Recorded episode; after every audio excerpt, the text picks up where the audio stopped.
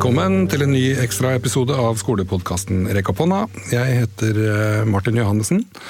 Og i denne episoden så tenkte jeg vi skulle ta og bli litt bedre kjent med Christian Lomsdalen, som eh, står bak podkasten eh, Lektor Lomsdalens innfall.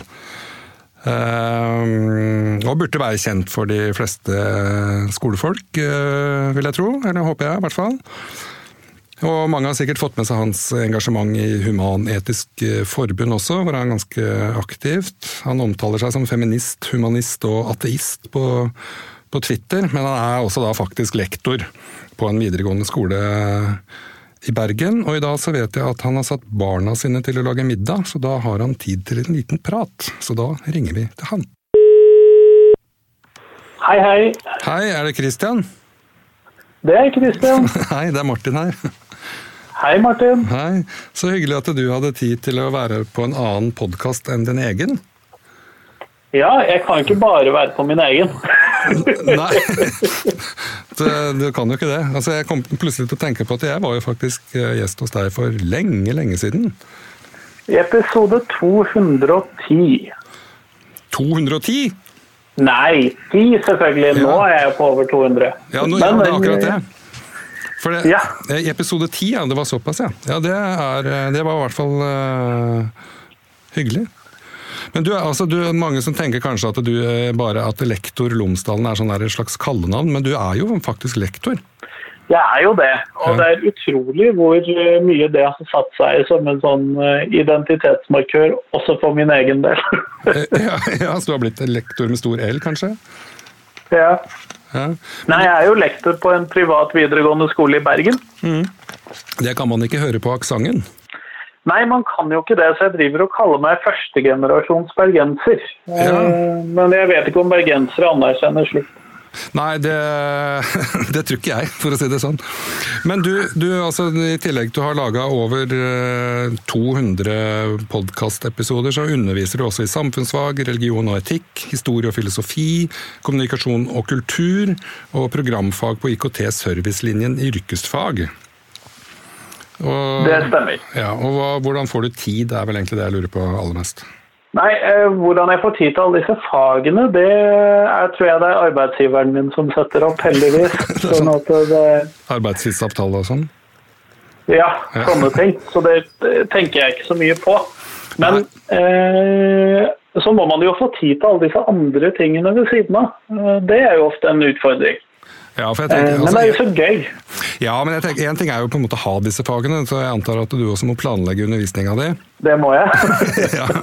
Og den, akkurat den planleggingstida, den er jo litt mer sånn fri tid. eh, holdt jeg på å si. Ja. Altså ikke fritid, men en tid du må disponere sjøl og få, få dette her til å gå opp på et eller annet vis. Ja, og der er jeg så heldig at der har jeg en arbeidsgiver som eh, den bundne tiden min er begrenset til undervisningstiden og fellesmøter, sånn at eh, resten av tiden disponerer jeg selv. Ja. Og da får du tid Det til alt. gir mye ansvar. Ja, eh, Det virker jo som om du klarer å ha det ansvaret. Jeg tror det. Ja.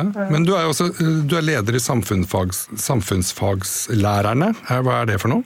Det er en ny organisasjon som ble stiftet nå i februar, like før alt mulig stengte ned, eh, i Oslo, hvor vi da ønsker å lage en organisasjon for samfunnsfagslærere. Og da ikke bare samfunnsfaget i eh, grunnskolen og på videregående skole, men alle disse fagene som kan sies å være samfunnsfag med liten s. Ja. Um, og hvor vi da skal kunne være et sted hvor man eh, Enten hvor, man, hvor vi lager kurs og hjelper til å lage kurs og seminarer og konferanser sammen med medlemmene våre, eller hvor man kan gå som lærer for oss å finne informasjon om arrangementer som andre setter opp, sånn at vi prøver å være en slags hub for den typen eh, informasjon, og også være en politisk aktør inn mot f.eks. nye læreplaner i samfunnsfagene. ja. Eh, Så det første vi skal gjøre, det blir å ha en samfunnsfaglærerseminar i Bergen i oktober. Så håper vi at vi vil kunne gjennomføre det. Det blir jo spennende. ja. Programmet er heldigvis klart, da. Ja, ikke sant? Men det er, det er, jo litt sånn nybrottsarbeid, rett og slett? Ja, jeg er medlem av tilsvarende organisasjon på religionsfaget. Ja. Eh, Og jeg har savnet å ha dette her i samfunnsfaget også. Så en eh, gruppe av oss samlet oss i Oslo i februar da, for å lage denne organisasjonen. Så håper vi at eh, vi kan klare å bli en aktør i samfunnsfagene. Ja. Men du er også nestleder i Human-Etisk Forbund? Det er jeg, og det er utrolig gøy. Men det er jo litt utfordrende med tanke på at jeg også er religionslærer. Ja, fortell. Jeg, jeg, må inn, jeg må innrømme det. Man har jo dette store spørsmålet skal vi fortelle elevene våre om hva vi tror på, hva vi stemmer osv. Ja. Og for de aller fleste lærere så kan man gi blaffen i det. Man kan skjule det så mye man vil, fordi at eh, det står ikke noe sted hva du stemmer eller hva du tror på. Det må du liksom klare å oppdage på en eller annen naturlig måte hvis du f.eks. møter læreren i kirken eller type lignende ting. Mm. Eh, mens for noen av oss som eh, liker å skrike litt høyere enn andre, så er det vanskelig å skjule eh, hvilken religiøs tilhørighet man har. Og for meg som nestleder i Human-Etisk Forbund, så kan jeg ikke gjemme det bort. Nei, også hvis man ser på Twitter-profilen din nå, så skriver du at du er feminist, humanist og ateist.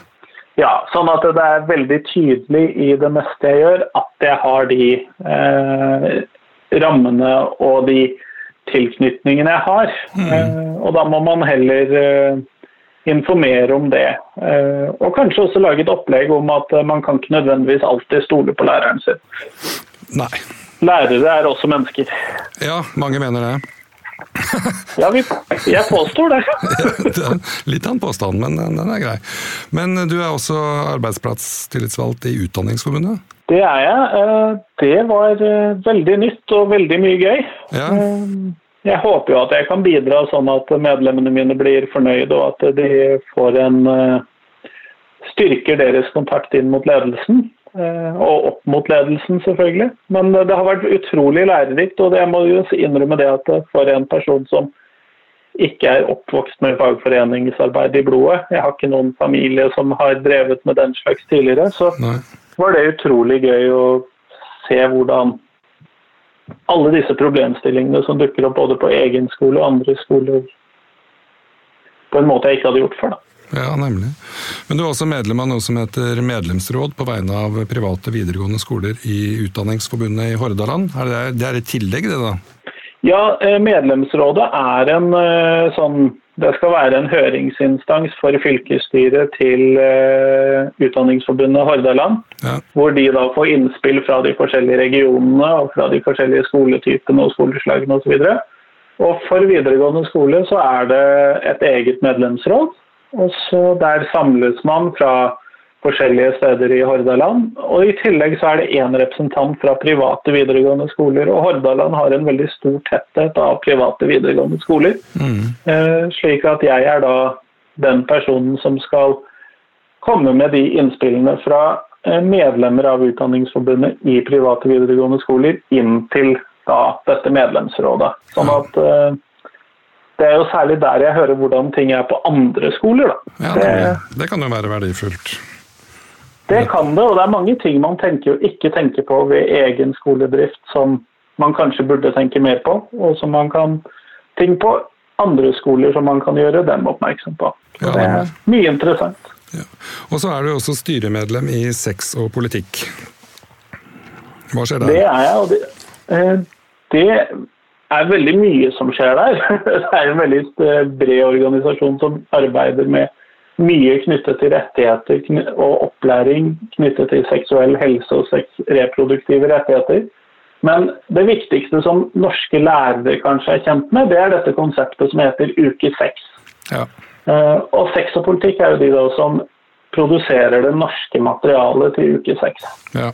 Sånn at eh, det er viktig for oss å styrke seksualitetsundervisning i norsk skole, og der eh, håper jeg at vi kan være en eh, tydelig stemme som forbedrer det. Og veldig mange lærere rapporterer jo om at de har for lite kompetanse på seksualitetsundervisningsfeltet.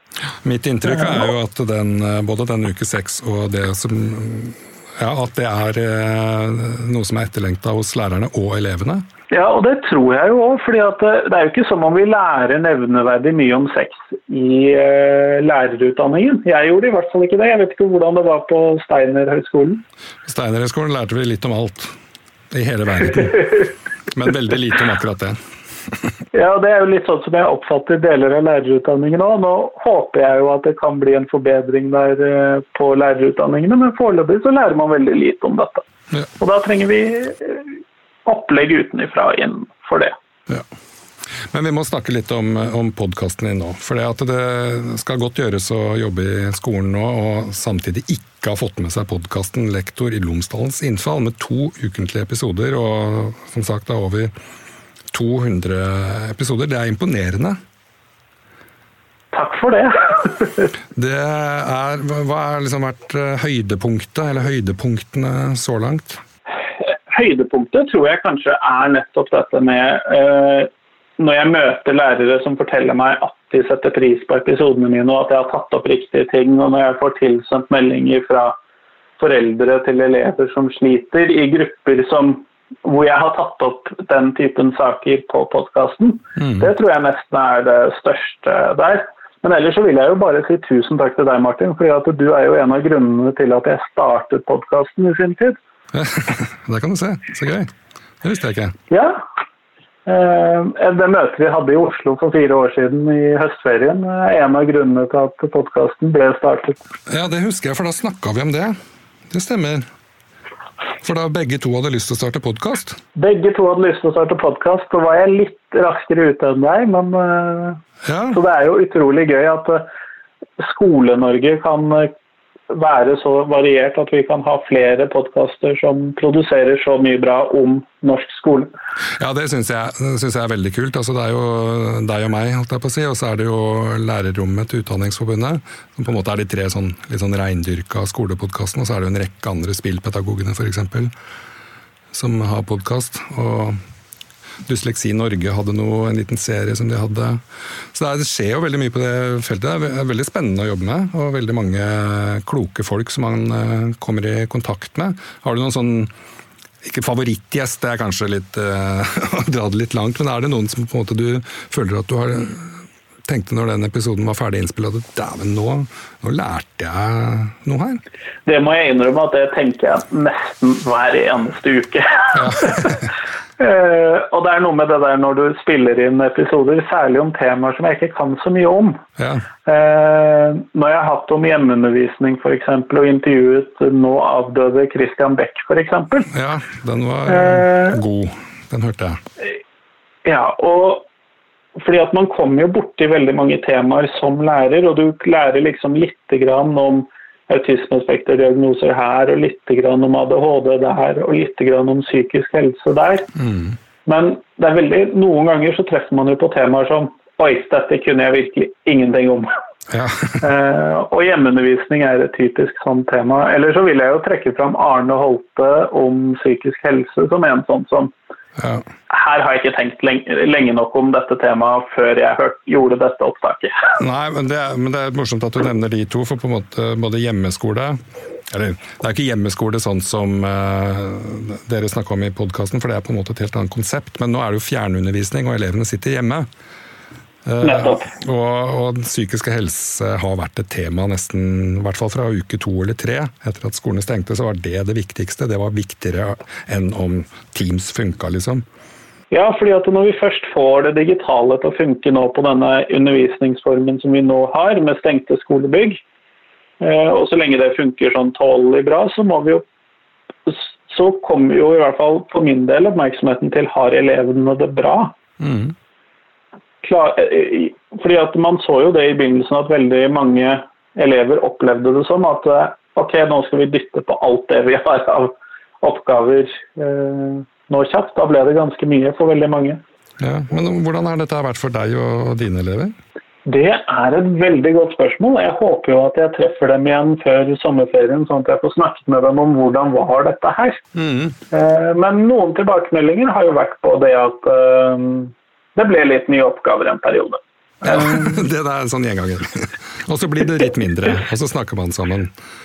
Ja, ja. Uh, og så klarer man å tilpasse seg det. For min del som uh, lærer, så har dette vært kjedelig og kjipt.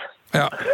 Helt ærlig. Ja, du er ikke aleine, altså. Det, det, det, var en sånn slags entusiasme og iver den første uka. Yeah, så gøy med internettskole, liksom. Også, Men det er noe med det å ikke se elevene altså. Ja. Jeg er jo ikke lærer for å sitte og administrere et eh, videomøte eller eh, rette oppgaver. Det er ikke derfor jeg er lærer. Nei. Jeg er lærer fordi at det er gøy å være i klasserommet. Ja, ikke sant. Og jeg snakka med Åge Hvitstein tidligere i uka. Og han sa at det å sitte foran, eller stå foran, eller ligge foran den der skjermen dag ut og dag inn, det var et energisug. Føler du ja, det, det også? Ja, det kan jeg jo tenke.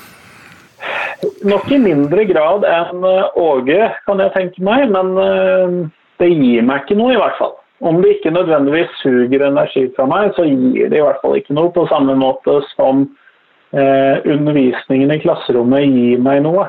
Mm.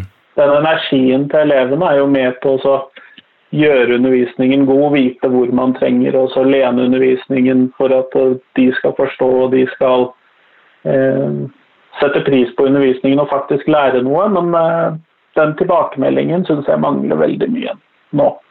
Ja, nemlig. For det er, det er, jo mange lærere som sier at det beste med å være lærer er elevene. Altså fysiske ja, det er jeg helt enig i. altså fysiske, ikke sånne bilder. For, for sitter, det var jo en, en kollega av meg som sa at det er helt sånn pyton å sitte og undervise en ananas. Altså en elev som hadde valgt å ha bilde av ananas istedenfor seg selv. At det, det går jo ikke i lengden. Du, har du hatt noe sånt? Hvordan har dine elever egentlig vært? Har det vært uh, greie? Nettgreie? De har jo vært greie, og de har møtt opp og sånn, og de har gjort det de skal og sånn, men Eh, jeg merker jo at entusiasmen for undervisningen er ikke den samme som til vanlig. Nei. Uh, ellers er det jo litt gøy. Det var en av videomøtene så dukket en elev opp med rosa solbriller og pirathatt. Det var jo glimrende. Ja, det er stas. Det skal jeg begynne med òg. da tror jeg Ossi Osborn-likheter hadde vært gøy der. Ja, eh, Ossi Osborn er en av kongene. Jeg har faktisk møtt Ossi Osborn en gang. Jeg er ikke overrasket, Martin. Jeg hilste på han, og etter en konsert på Sentrum Scene for mange år siden, på 90-tallet en gang, eh, så var det sånn meet and greet, da, sånn få møte stjernene liksom etter konserten. Han var jo helt sånn Han var ganske sliten, da, så det var egentlig det var rett før konserten ble avlyst og sånt. Men han sa han hadde jo masse leger med seg på turné, så sa han jobben deres er å få meg på scenen, ikke av scenen. Så Etter konserten så tok jo Winter votter før han dukka opp i et sånt lite rom med masse røkelse og sånt, og med solbriller og greier. og så har han sånn slapt håndtrykk, og så sier han jo ingenting. Han sier bare Så betydde 'how are you' eller noe sånt, tror jeg. Og så fikk vi autograf, og så gikk vi. Det var liksom yay! Så sånn er det med Åse Osborn. det er gøy. Men du, hva tenker du Er det noe, likevel noe vi kan lære av den koronakrisen og de erfaringene vi har gjort nå, som er verdt å ta med seg videre?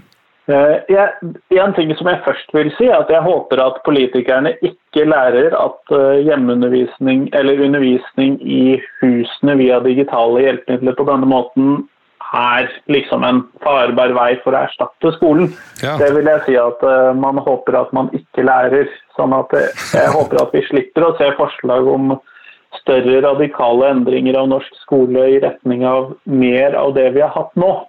Ja, nemlig. Ja, det er jeg helt enig i. Eh, ellers så tror jeg det at noe vi kan lære, er at eh, digital undervisning på denne måten kan fungere veldig godt for noen av elevene. Ja. Altså at vi kan bli mer fleksible inn mot de elevene som syns det er vanskelig å møte på skolen til vanlig. Ja. Tenker du sånn skolevegring? Altså, da tenker jeg inn mot skolevegring. Mm. Altså at dette kan være at vi i større grad kan bli flinkere til å inkludere de elevene i undervisningen vi har til vanlig. Ja. Det tror jeg vi kan lære godt av. Og så tror jeg at veldig mange har lært at eh, det er en del digitale hjelpemidler som funker godt til sitt bruk. Ja. Og at vi har fått prøvd flere av disse tingene. Mm. Det tror jeg vi kan lære mye av. Eh, så håper jeg at vi finner et eller annet sted imellom slik det var før og noe av det vi har brukt nå. Og så kan vi finne en eller annen gyllen middelvei eh, hvor vi er mye i klasserommet, men kanskje litt digitale. Ja, det er, det er, litt sånn i de samme banene som jeg har tenkt, uh, faktisk. Fordi Nå har jeg jo ikke noe undervisning, egentlig. Jeg er mer med som sånn lærer to og sånt. Sosiallæreren i deg er en aktiv lærer? ja, nei, altså vi må jo ha flere oppgaver på en liten skole. Så, så Men likevel, jeg har også tenkt at det, det kan bli folk kan bli sånn drittlei av alt det der internettbaserte greiene. Kan vi ikke gjøre noe mer sånn opplevelsesbasert læring? Har jeg tenkt. Ja, og der ligger det jo inne noen ganske gode muligheter knyttet til f.eks. sånn virtuell orientering, f.eks. Ja. Eh, hvor, hvor man da kan bruke telefonen ut i naturen for å finne poster, sånn at man slipper disse postene som blir stjålet og ramler ned og ja, regner bort. Og, ja, ikke sant. Og man kan dra på sånn. tur i eh, de egyptiske pyramidene. Og... og det kan vi også gjøre hvis vi tenker virkelig virtuell uh, orientering. Uh, mm. Nå tenkte jeg litt sånn ut i naturen med mobiltelefonen-orientering, oh, ja. men ja, du har helt rett. Uh, gamle Egypt er antagelig mye bedre å besøke med dataskjermen enn uten. Det koster i hvert fall mye mindre. Ja, yes. men, men kan ikke ta med alle tredjeklassene dit. Nei, det blir kanskje litt voldsomt for mor og far. Men hva, tenker du likevel at eh, den norske skolen kommer til å bli forandra av koronakrisen? Jeg tror det er uunngåelig at noen forandringer kommer inn. Ja. Det tror jeg nok. Men samtidig så mistenker jeg at idet vi kommer oss tilbake i klasserommet, så vil veldig mange av oss eh, trekke pusten dypt og være glad for at vi er tilbake. Og så vil man kanskje gå Eh, i stor grad tilbake til det opplegget man hadde før koronakrisen. Ja, det er også en mistanke om at uh, mange går tilbake til det, det som var. Jeg mistenker jo at det gjelder også for meg. ja. Jeg har fått litt sånn, jeg klarer ikke å være, så Vi har jo nettmøter flere ganger i uka på, på skolen min, og jeg merker det er vanskelig å holde konsentrasjonen oppe den halvtimen det varer. Rett og slett. Det er jo det. Ja. Uh, og for de av oss, uh, inkludert meg selv, som har litt sånne eh, problemstillinger knyttet til eh, oppmerksomheten sin, ja. så er det vanskelig. Ja. Jeg vil anta at for de elevene med ADHD eller tilgrensende diagnoser eller lignende, de vil nok synes at disse videomøtene er hakket vanskeligere enn selv vanlig undervisning. Ja, det, det tror jeg jo rett og slett. Yes. Men du, eh, jeg vet at barna dine driver og lager middag til deg? Det gjør de. Fantastisk god arbeidsfordeling.